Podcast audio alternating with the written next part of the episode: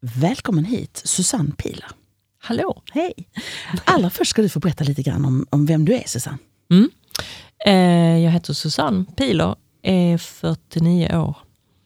Har eh, alltid jobbat med reklam och kommunikation, marknadsföring. Och eh, sitter här idag eftersom ehm, jag eh, jobbar med cancerkompisar och eftersom min partner Kajsa fick eh, en diagnos för ungefär sju år sedan. Och då kan Så- man säga att ert liv förändrades ganska rejält. Eh, duktigt. Mm.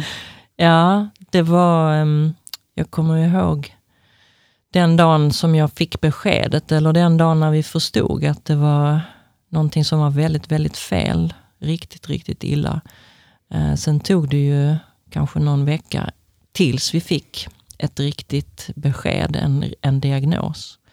Den tiden var ju också speciell för att det finns ingenting värre än att vänta utan att, när man inte vet. Mm. Ska du berätta lite grann om, du jobbade i Danmark på den tiden. Mm. Jag jobbade på en eh, reklambyrå i Köpenhamn.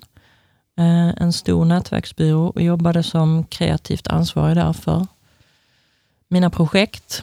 Så att, ehm, och det var ett jobb som jag tyckte om. Jobbade mycket. Har alltid jobbat mycket. Så får du ett telefonsamtal från Kajsa. Berätta. Ja, eh, Kajsa har då sökt hjälp. Hon eh, förstår att någonting är väldigt fel. Eh, sa jag att hon hade Hodgkins lymfom? Nej. Eh, hon fick, det finns ju då en ansamling av lymfkörtlar i bröstkorgen och de hade börjat växa så att eh, hela bröstbenet började tryckas ut. Så det var en liten bula där, det var inte helt normalt kanske. Men eh, i övrigt inga andra symptom. Så att vi, vi, vi tyckte inte att det var någon fara och färde. Men, ehm, nu har jag tappat tråden. Mm. Kajsa åker iväg in på sjukhuset för att kontrollera vad det är Ja, hon har. precis. Och eh, hon eh, söker hjälp hos sin gynekolog. Tänker att det är någonting med brösten. Men blir rätt så omgående remitterad till akuten. Och där förstår de att någonting är konstigt och behåller henne. Och ehm, som sagt, det, det är då det första samtalet kommer till mig och då sitter jag på min arbetsplats. Eh, när jag förstår att någonting är illa. Mm. Kan du beskriva den, den känslan att sitta på sitt jobb bland Mm. sina kollegor och, ehm, Mm. och få det här över sig? Nej, det var ingen vidare. Vi, vi eh, sitter då och eh, jag vet att jag behöver jobba sent den dagen för att vi har en stor presentation. Stort jobb som ska redovisas dagen efter och det finns liksom inget... Eh, min känsla då var egentligen att jag blev, jag blev bara rädd, jag blev ledsen. Det var ju katastrof. Samtidigt så visste jag att jag kunde inte gå därifrån. Eh, hade jag gjort det så hade jag nog inte varit välkommen tillbaka. Utan det låg ju liksom på mina axlar den här presentationen. Så att jag, jag bröt väl ihop så smått inför mina kollegor. Inte inför min chef. Och vi, vi löste det och jag löste det så gott jag kunde. Och de eh, sydde ihop det sista och jag vacklade ut genom dörrarna och åkte hem. Um, men det var... Um, redan då infann sig ju den här känslan att den här arbetsplatsen har ingen förståelse för min situation. Och det blev ju otroligt tydligt i massor med olika situationer sen under hela den här behandlingsperioden som ju var under knappt ett år. Mm. Och det är det vi ska komma in och prata mycket om idag Susanne, nämligen hur galet det kan bli och hur viktigt det faktiskt är Mm. att, eh, att man eh, känner till och kan ta hand om när Mm. sådana här saker uppstår på en arbetsplats. Om vi pratar lite grann om när du sen kontaktade din chef för att berätta Mm. om din situation. Mm. Hur såg det ut? Alltså för det första, alla de här eh, samtalen eller initiativen till samtal tog jag själv. Och det var ju för att jag kände att nej men jag fixar ju inte det här. Jag är ju en icke-fungerande människa. Jag går ju på knäna mentalt. Jag går på knäna rent arbets... Alltså att arbetsbördan är för tung. Jag fixar inte det här. Eh, och alla de samtalen var ju eh, för väldigt döva öron, tyvärr. Det fanns ingen som helst förståelse, det fanns ingen som helst eh, vilja eller insikt att ja, men den här människan som sitter framför mig eh, är ju under isen totalt. Och det behövs ju egentligen inte så mycket, tänker jag, från en eh, chefs sida, mer än att man säger att ja, men jag förstår att du har det jobbigt nu. Eh, och vi förstår att du kanske behöver vara borta vissa timmar för att eh, vara med till exempel på din frus behandling eller se till så att saker och ting funkar där hemma. Men eh, det enda som jag fick höra dag ut och dag in, det var att du ska sköta ditt jobb. Det här får absolut inte påverka din arbetsinsats. Och jag blev, jag blev bara rädd faktiskt. För att jag, jag, var så, ja, men jag var så knäckt redan då i början i den här situationen. Jag tänkte jag måste ju bara, det är ju en som faller ifrån här. Det är en, en inkomst som försvinner. Jag måste ju vara den som bär det här framöver. Jag kan ju inte liksom bara smälla i dörren och gå nu. Trots att jag tycker att det här suger. Utan um, jag bet ihop. Duktigt. Mm. Du berättar för mig att eh, Kajsa kommer under behandling. Mm. Och eh, under de här, vi säger kanske åtta månaderna Mm. som, som Kajsa bland annat eh, var 14 dag Mm. ska in och behandlas. Mm. Där du ber om lov att få lov att vara ledig för att Mm. kunna stötta henne. Hur ser det ut? Hur blir det? Eh, nej, alltså det var också blankt nej faktiskt. Eh, men men jag, eh, jag gick, jag var med henne på de här behandlingarna för det, alltså ingen ska behöva genomgå en behandling själv för att det är så, det är ju inte bara kroppen som bryts ner, man bryts ju ner mentalt också. Som sjuk. Är man inte sjuk innan så blir man ju sjuk av behandlingen, för den slår ju ut allting. Så att, eh, det var jobbigt för henne att gå dit, för att hon visste hur dåligt hon skulle må. Eh, och det var jobbigt att vara där eh, i den miljön. Även om alla var fantastiskt snälla så, så är det ju, det är ju oerhört påfrestande. Och sen efteråt när de här cellgifterna kickar in och illamåendet kommer och den här kraftlösheten och tröttheten. Och, så handlar det ju om att få hem den här personen. Det är ju ingenting man gör själv. Vad tror du att, eh, vad tror du det gjorde, vad var det som gjorde att din chef var så eh, avig mot allt det här tror du? Handlar det om rädsla, okunskap? Hur, hur tror du hon kunde vara så okänslig när du förklarar att din fru är sjuk, dödligt sjuk och du behöver ett visst stöd? Har du någon aning idag när du tänker på det? Du, det finns säkert en diagnos för det. Nej, Mm, men mm. ehm, eh, ja, det handlar väldigt mycket om okunskap.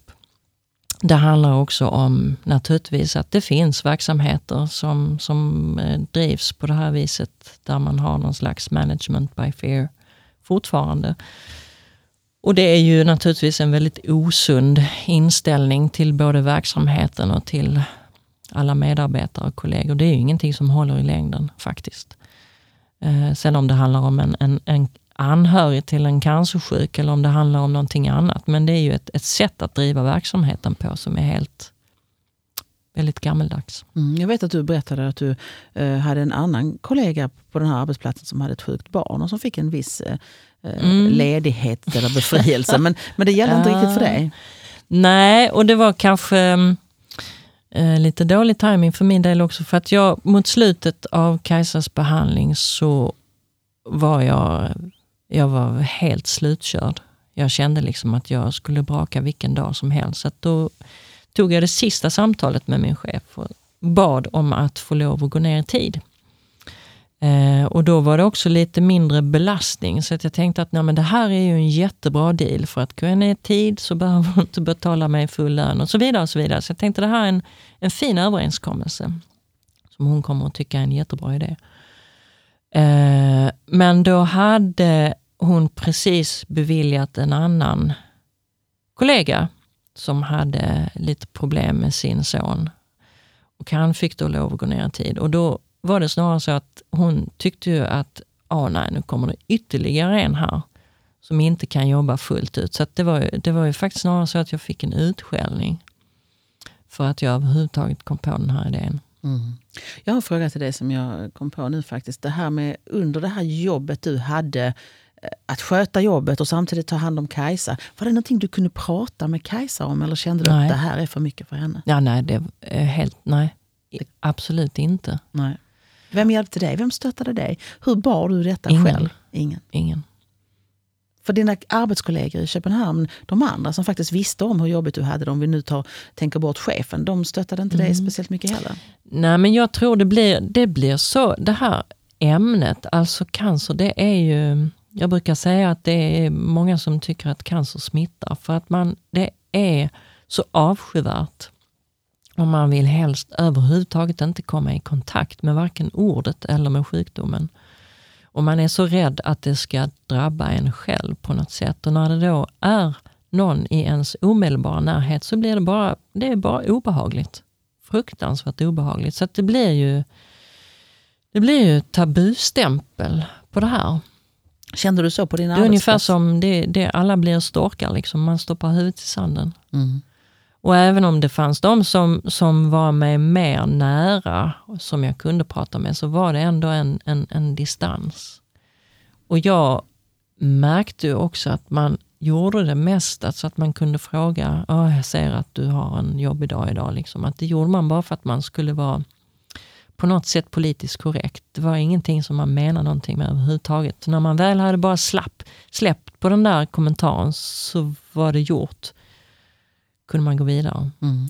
Du berättar för mig om eh, dina turer mellan då Köpenhamn och eh, eh, tillbaka till Sverige och Kajsa där du körde mm. i din bil. Vad hände där? ja, det var eh, att sitta i en, en bil och pendla över bron fram och tillbaka. Det innebär att man har egen tid och framförallt så är det ett slutet rum eh, där ingen annan finns och där ingen annan hör en. Så att, så att den timmen tillbringade jag eh, primalskrikandes, vrål, vrålandes faktiskt. Och eh, ja, storgråtandes. Jag hade, jag hade ibland så svårt att se liksom, ut genom fönsterrutan. Tänkte, gud vad det regnar, men det gjorde det inte. Det var jag som grät. Mm. Kände du någonstans att det var nästan din räddning? Hade ja. du inte haft detta? Hade det den, den eh, Absolut, och jag, jag drar faktiskt en parallell till min eh, moster som jag har väldigt fin kontakt med, som förlorade sin son när han var tonåring. Och hon har berättat för mig att hon eh, hade en frizon och det var att hon gick ut i skogen och skrek. För att det var enda stället hon kunde skrika på. Och jag förstod ju då att det var liksom bilen där som blev min frizon skrikandes. Mm. För visst är det så att som anhörig så vill man ju vara stark och, och, och duktig för den mm. sjuka. Mm. Som i ditt fall var Kajsa hemma i mm. Sverige. Mm. Eh, och du åkte till henne och tog hand om henne. Såklart mm. måste man någonstans få lov att få ut. Ja men det, det är ju en ångest utan dess like. Och det är en ångest som, som man inte, som det inte finns det är ingen som förstår det där, utan det är ju så att allt fokus är på den sjuke och det, det är ju inte så konstigt.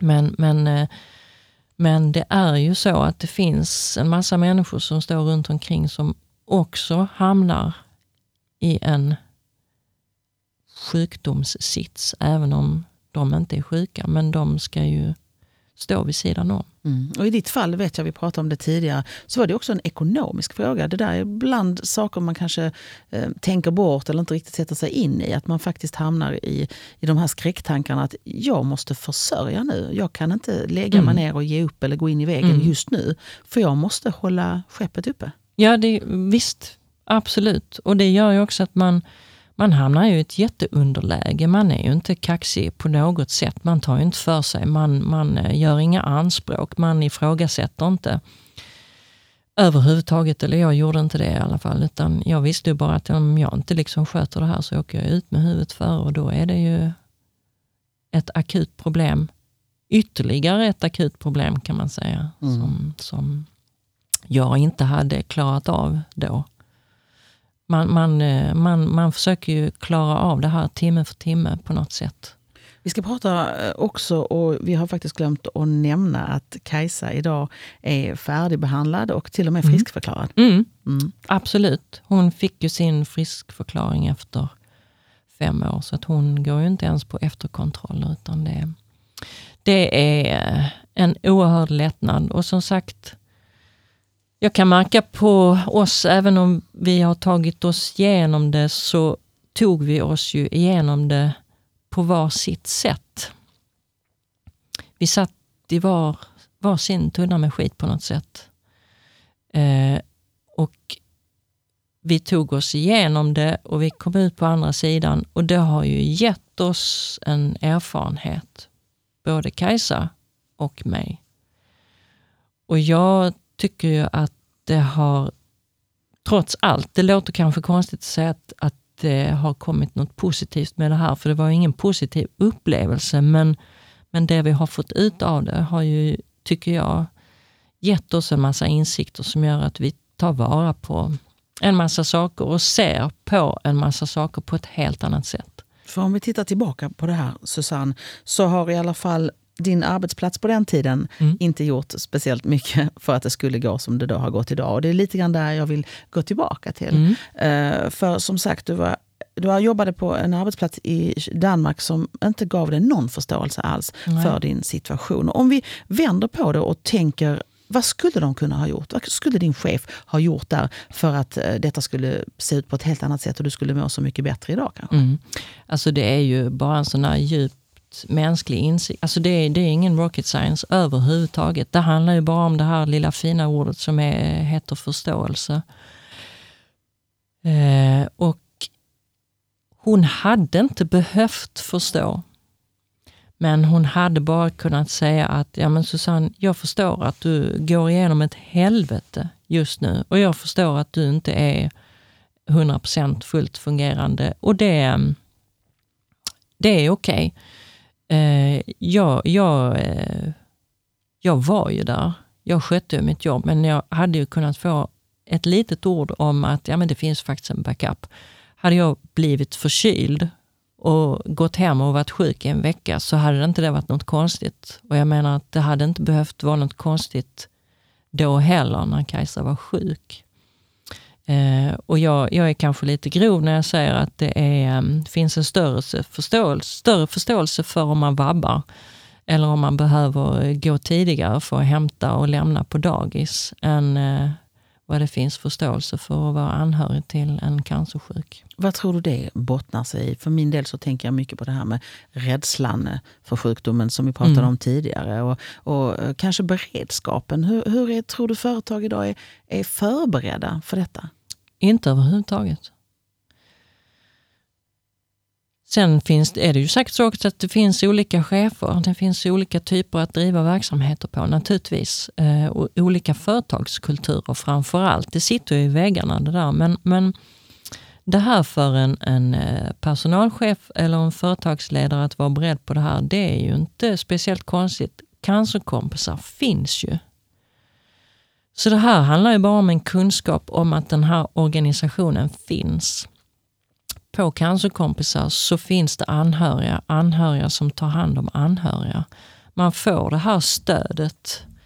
Man, man hittar någon, man träffar någon som är i samma situation. Man är inte ensam längre. Så för företagets del så är det ju det är bara att luta sig tillbaka och somna om höll jag på att säga. Nej men alltså, det är inte så konstigt. Nej, det handlar det bara om upplysning. Precis, det här är ju någonstans där vi hamnar. För Du kom i kontakt med cancerkompisar. Kan du berätta lite grann om mm. det?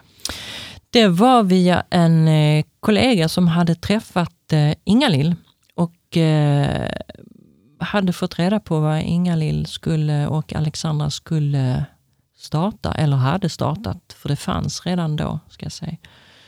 Men då var det ju så, eftersom Kajsa och jag jobbar med kommunikation bägge två, så tyckte mm, den här personen att vi skulle träffa Ingalill och Alexandra, vilket vi gjorde. Och det är ju... Eh, det var, det var liksom första kontakten, så att det blev egentligen en yrkesmässig kontakt. Det var inte för att eh, få hjälp eller stöd eller tröst på något sätt via cancerkompisar, utan det var för att vi faktiskt skulle hjälpa dem med deras kommunikation. Och det gör vi ju för att vi sitter med den här insikten. Och, och, och, att veta vad det innebär att vara anhörig och hur det känns. Mm. vi tittar tillbaka lite grann igen och ser på din egen roll i det här när du fick reda på att Kajsa var sjuk och du slet på där mm. över i Köpenhamn. Mm. Om du nu sju år senare, lite äldre, lite tuffare kanske med en massa erfarenhet i bagaget, eh, tänker på hur du skulle göra om det hände dig idag igen. Hur skulle du då handla tror du? Ja, um,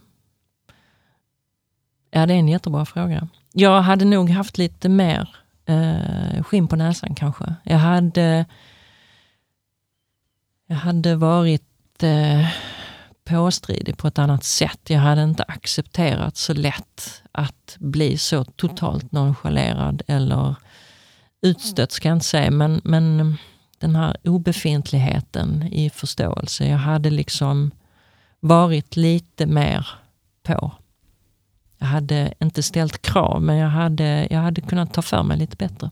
Mm. Tror du saker och ting har hänt på de här sju åren? Att det har blivit eh, mindre, fast det fortfarande är tabu, mm. men att det har blivit lite mer öppet kring att samtala om cancer och anhöriga? Vad tror du? Du tror det ser likadant ut? Ja, det är, jag tycker det är en katastrof.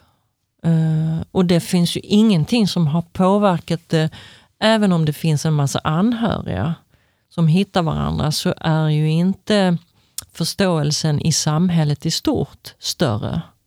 Det är fortfarande ett jättetabu och det är fortfarande tabu att som anhörig våga ta plats.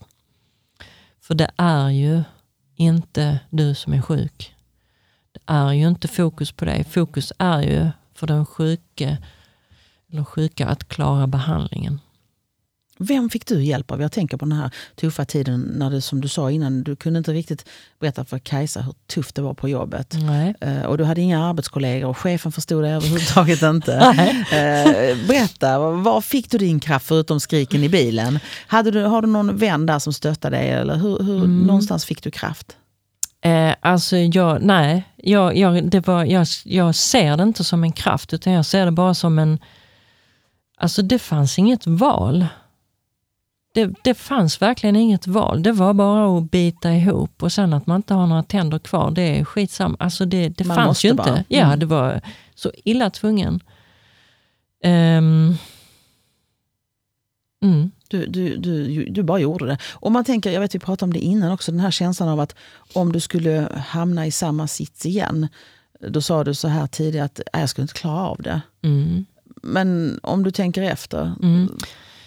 Och det ska jag säga också att det som, det som ju till slut ska jag säga, räddade mig, eller som gjorde att jag kunde komma vidare på något sätt, det var ju att på slutet av Kajsas behandling så brakade jag faktiskt ihop. Jag gick ju in i väggen fast att jag egentligen inte visste vad det betydde. Och jag trodde framförallt inte att det kunde hända mig. Men eh, när detta väl hände och då var det faktiskt så att jag trodde jag hade fått astma.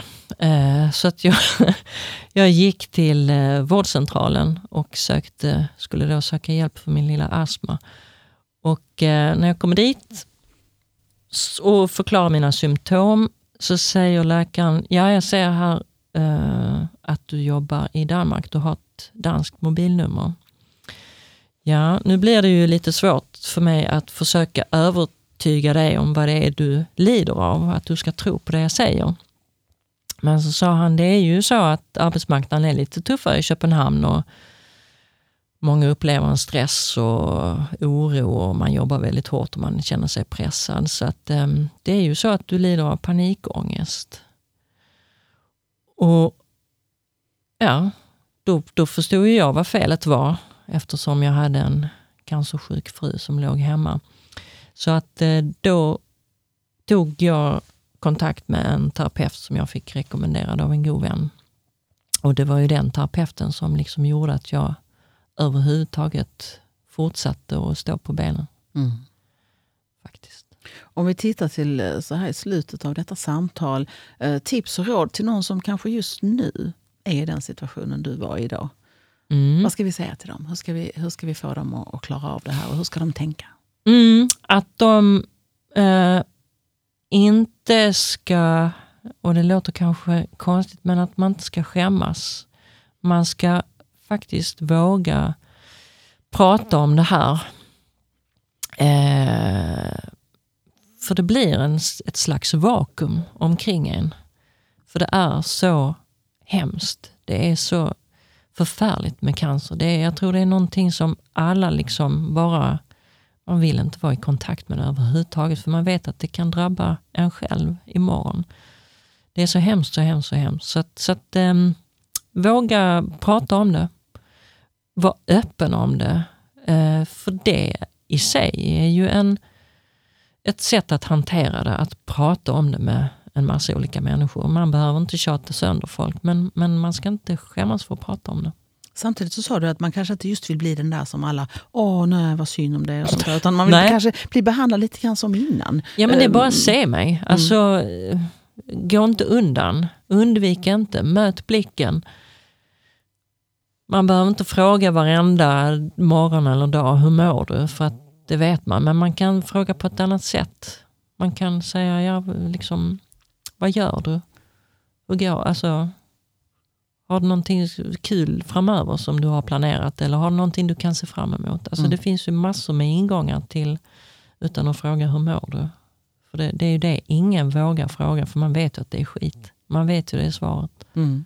Idag så jobbar du och Kajsa tillsammans och ni har mm. ett, eh, ett eget företag. Mm. Eh, det kommer sig lite grann av att eh, du gick igenom det här tuffa, ni gick igenom det här mm. tuffa, lite grann var och en för sig. Mm. Men, och så kom ni ut på andra sidan och du var anställd ett tag på ett annat ställe. Du slutade här i Danmark efter två mm. år ungefär och var anställd ett tag. Men sen nu så jobbar du tillsammans med Kajsa. Berätta lite grann om det och hur ni ser framåt. Man kan ju tycka att det är väldigt speciellt. Alla säger ju, nej men jobba ihop ska man definitivt inte göra som par. Men vi, alltså sett i backspegeln så i alla fall för min del väldigt, väldigt tydligt så är den här perioden och den här sjukdomen anledningen till att vi vill göra det bästa av vår tid tillsammans. Och det eh, handlar ju också jättemycket om att kunna styra sitt liv, att kunna välja själv eh, och inte känna den här stressen över att vara på en arbetsplats 8 till 5, utan att man kan få lov att bestämma lite mer över sitt liv, både sitt yrkesliv och sin fritid. Vi har ju bara det här livet och det är det enda vi har fått till skänks. Då måste man ju göra något bra av det. Man måste ju må bra i det. Så att det är vårt sätt att må bra helt enkelt. Tusen tack Susanne för att jag fick prata med dig idag. Det var så lite. Tack.